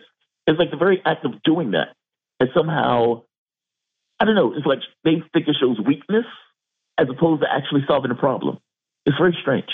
Washington Post Democrats sound alarm, take action against Biden's third party threats. You know, they don't stop to think perhaps we should do something to offer the voters something that will make them not vote for third party. Instead, they got to go full Tonya Harding. Somebody get me a pipe so I can hit these third party guys in the knees. How about, wait a minute, how about a message? How about creating yeah. a what message? are they going to message? Huh? What are they going to message? What are they going to say? They've been doing so bad, they got nothing to say. If they tell the truth, they're sure to lose. Jamal. Give me a policy. Yeah. Give me a policy. You say a message. Give me a policy. Screw the message. I can do something. No, I, you, God, Tonya Harding is a great example. Joe Biden knew damn well that he shouldn't have ran. And I, I did this thing, this monologue where I was like, Joe Biden basically has betrayed America, not to mention the Democratic Party a man who's 80 something years old, when the report came out, special counsel report, and in that report, in black and white letterhead, yes, he willfully took the documents. Okay, you got that. But more importantly, this man is, has mental impairment. This man didn't have a memory. We can't even charge him with intent because we don't even think we can get intent because of the memory issues that we saw and that a jury would see if we put him on trial. He basically said the man is cognitively damaged. It's clear as day in the report. That's why Democrats are freaking out. Now you read that, and that really only lines up with what we have been seeing with our own eyes. It's just more damning because it's in a document from the Justice Department in their analysis of Joe Biden and whether or not going to charge him. You look at that and you think to yourself, this man is not cognitively there enough to be charged and taken to trial However, he is cognitively aware enough to be president and to run again for the presidency of the United States. Now, this is separate and distinct from the polling, where all of this polling is coming out talking about Donald Trump winning in battleground states, not to mention national polling, meaning they knew they had a problem. They didn't care they had a problem. They just thought if we pair him up with Trump, Trump would be so bad that we believe we can get him over the finish line in a race to the bottom election. Like they've earned this. I'm sorry, they've earned this. And a final point as as we get out to refute the report, he comes on television. He he has a press conference. The report says we can't charge you because uh, we can't prove intent because your memory's bad. He comes on television and gets angry and says, "I have a perfect memory. I don't have a yes, I'm an old man, but I don't have a problem with my memory. So ergo, charge me." I mean, that's the only conclusion one can draw is that he's saying, "No, no, no, you're wrong. Please charge me." Uh, that makes no sense. Jamarl Thomas, as always, thank you so much for your time. Greatly, greatly appreciate that analysis, and we look forward to having you back. Thanks, guys.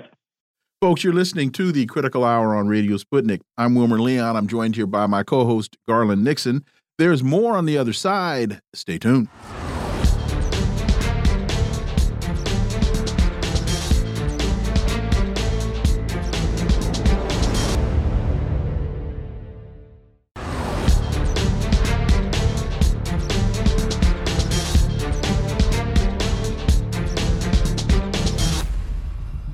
We are back, and you're listening to the Critical Hour on Radio Sputnik. I'm Wilmer Leon, joined here by my co host, Garland Nixon. Thank you, Wilmer. Consortium News has a piece entitled uh, Scott Ritter Tucker Madness is Good for America. And this was before the interview aired uh, with uh, Tucker Carlson and President Putin. Scott Ritter wrote, Tucker Carlson's interview with Vladimir Putin tonight will deliver an anecdote to dangerous Russophobia in the U.S. while unleashing an insane reaction from Western elites. For insight into this, let's turn to our next guest. He's a former U.S. Marine Corps intelligence officer who served in the former Soviet Union implementing arms control treaties in the Persian Gulf during Operation Desert Storm and in Iraq overseeing the disarmament of WMD. His most recent book is Disarmament in the Time of Perestroika, and he's the author of this piece. Scott Ritter. As always, Scott, welcome back. Well, thanks for having me. So you write the former Fox News host turned independent media phenomenon Tucker Carlson is in Moscow, where he has committed the mortal sin of interviewing Russian President Putin.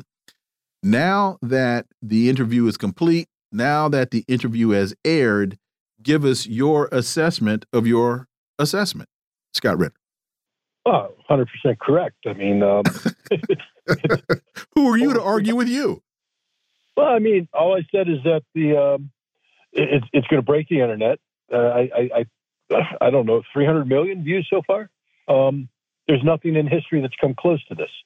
So, and this is international. Uh, Tucker Carlson just spoke today uh, in Dubai at a uh, international conference where he was a you know, interrogated on stage by an Egyptian journalist, uh, and he said all the right things. He, said, "What are you afraid of? Putin's words? You have every re- reason to be afraid of Putin's words, uh, because Putin is rational. Putin thinks. Putin, you know, has a plan. Um, you, you know, Russia. I mean, you know, clean, functional. It works. We don't. Um, these are not things that the mainstream media or the United States government wanted to hear. Uh, you know, Hillary Clinton, one of the elites I spoke out, came out and called uh, Tucker Carlson a useful idiot. Um, other people, former speechwriters of presidents and such, said that uh, that you know Tucker should be arrested, denied entry. Uh, in Europe, they were talking about a travel ban for what sin? For the sin of letting a Russian president speak. Um, you know, I'm I'm a big believer, and I wrote about this in the piece uh, in, in, free speech. Um, free speech does not automatically equate into wise speech. Free speech is free speech. Idiots get to speak, and wise men get to speak, and then a whole bunch of people in between get to speak. But the key thing about free speech is that the antidote to bad free speech is better free speech. Meaning that if you have a problem with what somebody's saying, if you have a problem with their ideas, come up with better ideas and put them out there. For eh, the, the, the Supreme Court has said that the antidote to bad speech is not suppression. And yet everybody sought to suppress Tucker Carlson's interview before he gave the interview. It's not as though they reviewed the data and said, oh my God, what Putin is saying here is so full of lies and distortions that it represents an existential threat to America that must be suppressed. Um, I mean, again, constitutionally, that's a very weak argument. But the point is, they condemned it before because they knew, they knew they had nothing. They knew that for years now, they have been seeking to silence, to suppress all information pertaining to what the Russian president thinks, what the Russian government is saying about the issues that are defining the global security uh, position today, issues pertaining not just to Ukraine, but to NATO, to multipolarity, to the dollar and de dollarization. My God, we can't let Vladimir Putin speak because he might be saying things that make sense. And what we're finding out now is the reason why so many people are watching this is they are hungry for information about what Russia is thinking because they are worried about the consequences of condemning Russia, you know, out of hand and rushing towards a war based upon words that Russia is not allowed to speak, say, or for us to consider. Tucker Carlson did the world a great service by uh, having this interview, and I hope one day uh, we have a future president of the United States that recognizes this and brings him to the White House and puts the Presidential Medal of Freedom around his neck. You know, one of the things I watched him today, and one of the things that I thought that I picked up that I found interesting and and again, and I think that's important. Just interesting things was when he talked about Moscow, and he said basically, I was surprised. I got there, I went around the city. It's a beautiful city. It's clean. Everything works. They got a subway, you know, etc. And I felt safe. And I remember when our cities used to be like that. That seemed to me like his honest opinion. And of course, he'll get attacked for that. But I think that's the kind of thing that people need to hear. Scott. 100%. Look, I'm, I'm going to be straight up honest. Tucker Carlson's an idiot. And the, the reason why I say that is he didn't prepare for this interview. He was the, for the biggest interview of his life, he was woefully unprepared. He's not a Russian expert. He's not somebody well versed in Russian history or Russian culture. And his statements come across, including the one you just said, is sophomoric. I mean, really, come on, Tucker all you had to do was a modicum of research. Why did it take you by surprise that Moscow is one of the best metro systems in the world? A limited amount of research would have shown that to you. But this is what makes Tucker Carlson attractive because every American is an idiot when it comes to Russia. And Tucker Carlson speaking their language. Tucker Carlson is approaching this problem from their low level of cognizance when it comes to Russia. They don't need somebody like me uh, explaining the nuances, you know, digging deeper into Putin's description of the Russian soul. You know, he quoted Dostoevsky. So, which Dostoevsky am I going to delve into? The Idiot, the Brothers Karamazov? I mean, you know, most Americans go, "What? I have no idea what you're talking about," which is true. Tucker Carlson is the quintessential American idiot, and his voice is the voice that needs to be heard right now because he's speaking the language of the everyday American. And to be honest, he's speaking the language of the vast majority of the population in the world who are just as ignorant about Russia as the Americans. They're not as polluted with the politicized slanting of the news, but you know they don't get to hear the Russian leader speak. So what, what, what, what Tucker Carlson did is twofold. One, he let Putin speak. So no matter what, at the end of the day, Putin's words are out there. And two, he's then filtering what Putin said and his experience through an American lens, not the lens of a Russian expert, not the lens of an academic, but the lens of an American who is truly ignorant about all things Russia, which makes the truths that were revealed by Vladimir Putin's words all the more bright. I hope I can ask this intelligently. What were your um, well, first of all, President Putin subtly and then sometimes not so subtly made the points about Tucker Carlson's questions that you're that you're raising. And what was your take of President Putin's body language, his posture? What what um what was your sense of that? Did you did you glean anything not only from listening to him but from watching him as well? Well, absolutely. I've been a Putin watcher for some time now, and half the fun is um, is looking at his eyes, looking at the glint in his eyes, looking at the squint, looking at the facial expressions, looking at his feet. I mean, you know, I, I think you, the CIA probably has an entire book written on, you know, uh, Vladimir Putin's posture, his feet, how he moves his feet in relation to what he's saying. I mean, the man telegraphs so much with his body language. He was really pissed off at Tucker, as I was. I mean, all I could say think is, my God, Tucker, this is the interview that you've been seeking for, you say, three years now, and you got it. It's the scoop of a century.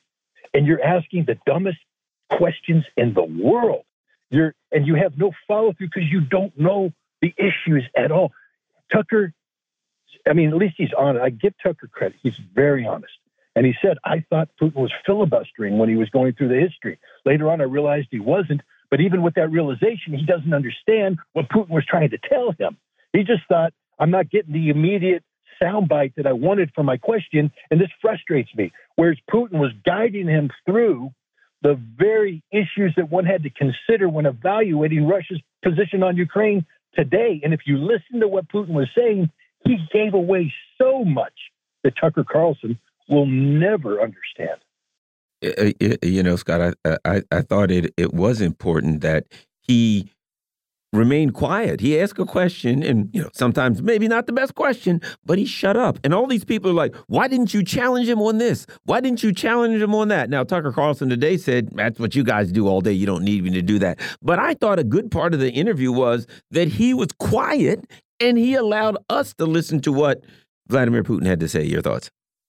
No, you're right. And and again, whether Tucker did this by design or not, I'd like to I'd like to believe in my heart of hearts that he he is a master tactician, a strategist who uh, deliberately provoked Putin with dumber than dirt questions and then shut up as Putin corrected him and then laid out the answer, letting Putin speak.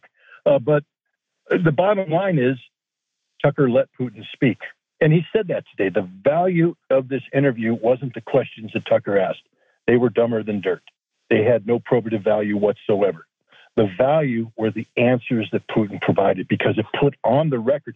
And the thing is, anybody who's been watching Putin, reading Putin, you know this because I'm sure you watch him. There really was nothing new in what Putin said. Not at all. Right. Here, little thing there. But generally speaking, this is information that the Russian president's been putting out there for years. But it's been suppressed in the West. You have to have the intellectual curiosity to go forth and read the Russian you know, the Kremlin's website, to read the speeches of Putin, to watch the videotapes that aren't played in the West, that are suppressed in the West. Um, and most Americans don't do that. So for the first time, they're hearing the words that the Russian president has been saying for decades. And the words are resonating because they're going, wait a minute, I was told that this guy is the personification of evil. I was told he doesn't want a negotiated settlement. I was told that he deliberately invades, that he wants to invade NATO, that he wants to do X. And what he's telling me is no. And he's saying he is more than happy to sit down at the table and talk if anybody will talk. That the problem here isn't Putin. The problem is the United States. The problem is the West. And the light bulb is going off around America and around the world. In, in fact, two things. One is to, to your point, um, he's he's what you find in watching this interview, if you've been paying attention to what has been transpiring over the last couple years, he's very consistent. There, there wasn't anything, there weren't any real, to your point, any real revelations if you've been paying attention, but it was the confirmation of the positions, not only the positions he's been taking, but then you get a clearer understanding of why Russia has been doing what Russia has been doing, what it is doing in response to other action. And so a whole lot of clarity was provided. Final question. What did you think when Putin made reference to Tucker, Tucker Carlson being turned down by the CIA and that the world should be glad that he was? Well, I, I will tell you this Vladimir Putin did more homework on Tucker Carlson than Thank Tucker you. Carlson on Vladimir Putin. And uh, Vladimir Putin, you know, while he is in his early 70s, and it was a long time ago that he received uh, the, the, the training of a then KGB officer, he clearly hasn't forgotten um, the nuances and the and, and, and, the techniques of um, quality um, interviews. and he, you know, if you remember, at one point in time, uh, when he was going to talk to Angela Merkel, he brought his dog in because he knows Angela Merkel doesn't like dogs. so immediately he set the stage and got her mind working in a certain way. And he did the same thing with Tucker. He threw that. He did the same thing with the Nord Stream. You did it. Mm-hmm. no, I didn't do it. Yeah. I didn't do it. Yeah, he did it. And you, uh, you know, you interviewed.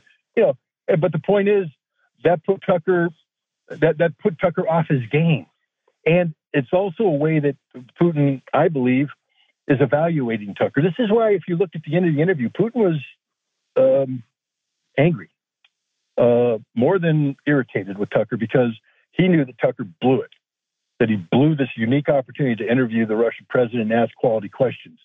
But one of the ways that Putin tests people, and you see this throughout, he will he will you think you're going to have this conversation and he will do something at the beginning and the middle that throws you off your game. And he's testing you whether you can recover. How deep is your knowledge? How deep is your preparation? Okay there was a hiccup but now can you shift over to plan b because you prepared for plan b? Tucker didn't.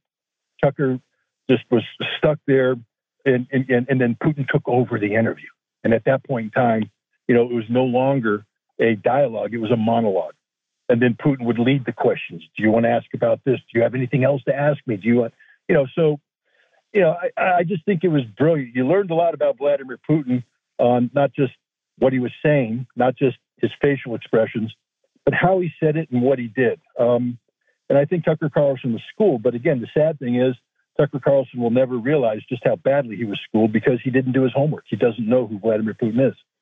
Scott Ritter, as always, thank you so much for your time. Greatly, greatly appreciate that analysis. We look forward to having you back. Thank you. Folks, you're listening to the Critical Hour on Radio Sputnik. I'm Wilmer Leon. I'm joined here by my co host, Garland Nixon. There's more on the other side. Stay tuned.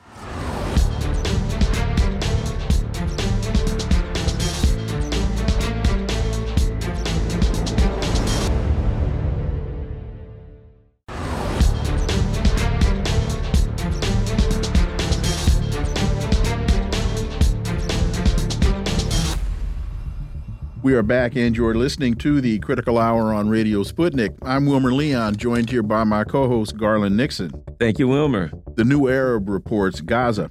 Dozens killed in Rafah massacre as Israel's ground assault looms. More than 100 Palestinians were killed in an Israeli quote unquote massacre on Gaza's southern Rafah city. Quote Israel is officially continuing to target civilians and transfer the war to Rafah to push the population to get displaced under bombardment. For insight into this, let's turn to our next guest. He's the host of the Left is Dead podcast, James Carey. As always, welcome back. Always good to be here. So uh, the New Arab continues, quote, the recent massacres of the occupation are evidence of the validity of international warnings and fears of catastrophic results of the expansion of the war to Rafah. This is from the Ministry of Foreign Affairs and Expatriates. Rafah, which sits on Gaza's border with Egypt, is currently hosting over 1 million displaced Palestinians who were forced to evacuate by Israel from northern and central Gaza. The Israeli army on Sunday approved a plan for a ground offensive. James Carey, uh, we, we said this earlier. As one thinks that this cannot get any worse, it does exponentially day by day. James Carey. I, I think people, yeah, and I think everyone always knew from the beginning of this operation it was going to get worse. But since the announcements about Rafah over the last week or so, um, it's been clear that Israel has more plans to continue killing civilians. Obviously, everyone from the north of Gaza, Gaza City, and the areas around there have been quote unquote evacuated to Rafah, where they've been forced to move by the IDF. Um, this is also the gateway for all the aid that comes in, obviously, since it's on the border with Egypt on the Sinai. Uh, I think that, uh, you know, the U.S. was kind of in denial about a, a ground invasion, but with Israeli uh, ministers approving it on Sunday, it's clear that a ground invasion is going to go ahead. And uh, already we've seen what that'll look like in a in a small sense. Obviously, we've seen it in a big sense in Gaza City, but in a small sense, we've seen just today. Um, obviously, over seven. I think it's reported over seventy some now have been killed in an attempt by the uh, well, an, a successful attempt by the IDF to rescue two of the hostages still in Gaza. So I, I think we're seeing the sort of reckless abandon we, we can get. We've been used to seeing, and we're going to continue seeing. Um, I think the fact is, if you can look at satellite images of Rafah, you can see that there's giant tent cities that weren't there before, and as you said, there's over a million people displaced to the city. Israel clearly has um, essentially corralled the Palestinians into another funnel, and they're they're just going to bomb it again. And the bombing that comes with the ground operation is going to be vicious, I'm sure, and then the ground operation itself is just going to be bad. So I think we we can prepare for an even bigger jump in the death numbers, unfortunately. And you know, I get the feeling with that there's sooner or later they're going to cross the Rubicon. Sooner or later they're going to jump the shark. You know, they're going to get to a point where the people in the region can no longer tolerate it. You know, do we, you know, and boom, and it's gas prices, you know, $350 a barrel for oil, and this whole thing comes unglued. Does it seem like that we're on that trajectory? Uh, yeah, I think so. I think the fact that, you know, Egypt is still being pushed to sort of take refugees that they can't really afford to take, obviously, because they have refugees from all over Africa that come through there. Um, they can't afford another two million or whatever to be dumped in there by Israel. Uh, Israel's economy itself has been taking a hit, and obviously a lot of Israel's staff that keeps their economy going is involved in the IDF uh, mandatorily, so they're busy too. And I, I think the fact is that you know Netanyahu's walked himself into a corner here where he has to quote unquote defeat Hamas, whereas other parts of Israeli society are focused on hostages. Other parts of Israeli society are focused on, I don't know, some type of cessation of hostilities and getting things back to normal. But um, the current government, I think, has, has really walked itself into a corner. Netanyahu's really backed himself up against the wall. He can't he can't end the war without defeating Hamas as far as his electoral prospects in the future go. He can't just he's obviously not concerned with getting the hostages back because that's not something the Israeli military seems completely capable of doing. And um, you know, he's obviously not interested in the cessation of hostilities because according to him, he has to destroy Hamas and you know, that's not going so well. But I, I think that you really are getting to a, a point here where there's such a push and pull both from the Arab countries that are allied to Israel, but also can't stand around and watch this, uh, to many of the other countries, even in say Europe, who can't continue to push things into Israel due to like strong labor unions and uh, court rulings and things like that. It's basically the U.S. that's only backing this up. But uh, uh, once you, like you said, once the, the effects start to reach here and say, once other countries like uh, now Jordan and Egypt have problems, I think that you'll see a lot less willingness to continue supporting this. I, I wish it was more like support for Ukraine, where people were questioning it quite a bit more. But uh, I'm, I'm, I'm thinking that it's it's turned a page where the way we see Israeli offensives in the U.S. is definitely different too. And I think, um, especially with the election coming up, there's going to be a lot of internal pressure here that may hopefully, hopefully, will change the tone of some of the leaders here. But I'm not quite sure. You mentioned Netanyahu walking himself into a corner. Is it possible that with this ground invasion of Rafah, that the IDF is walking into a trap?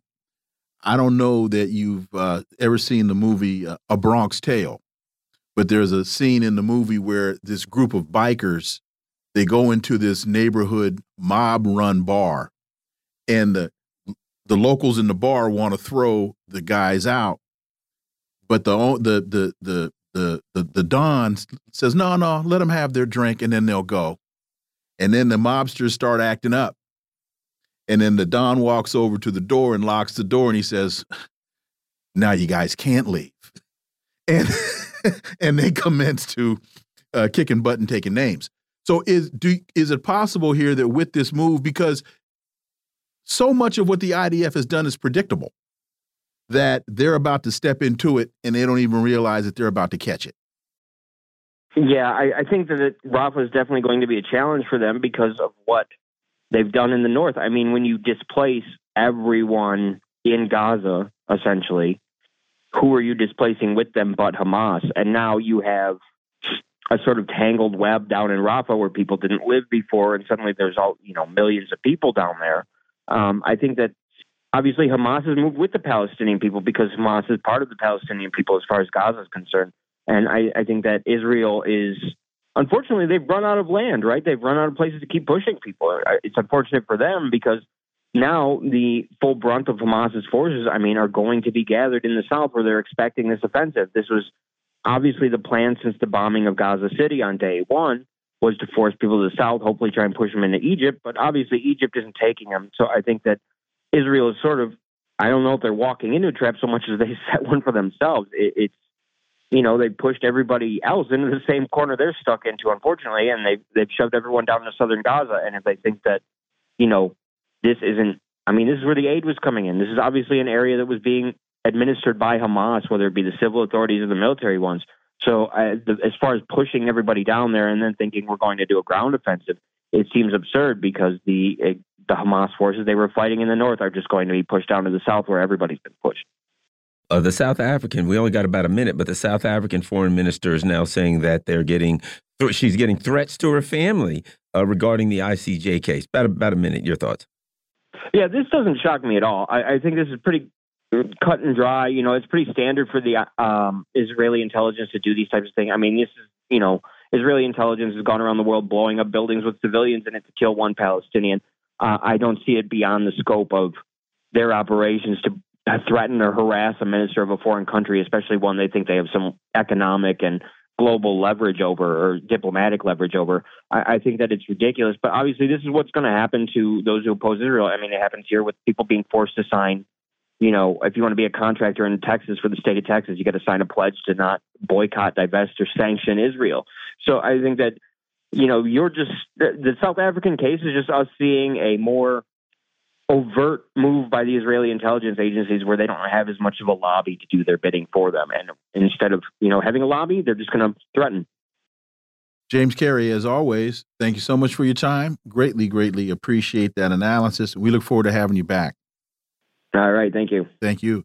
You know, Garland, I, I, just can't see with all that Hamas has been able to to do in in terms of resistance that they would allow themselves to be forced into this funnel, as uh, James referenced it, and not be prepared. I think you are correct, folks. You've been listening to the Critical Hour here on Radio Sputnik. Thank you for allowing our voices into your space on behalf of myself and my co host, Garland Nixon. We hope you were informed and enlightened, and we look forward to talking with you all right here tomorrow on Radio Sputnik. Be safe. Peace and blessings. We're out.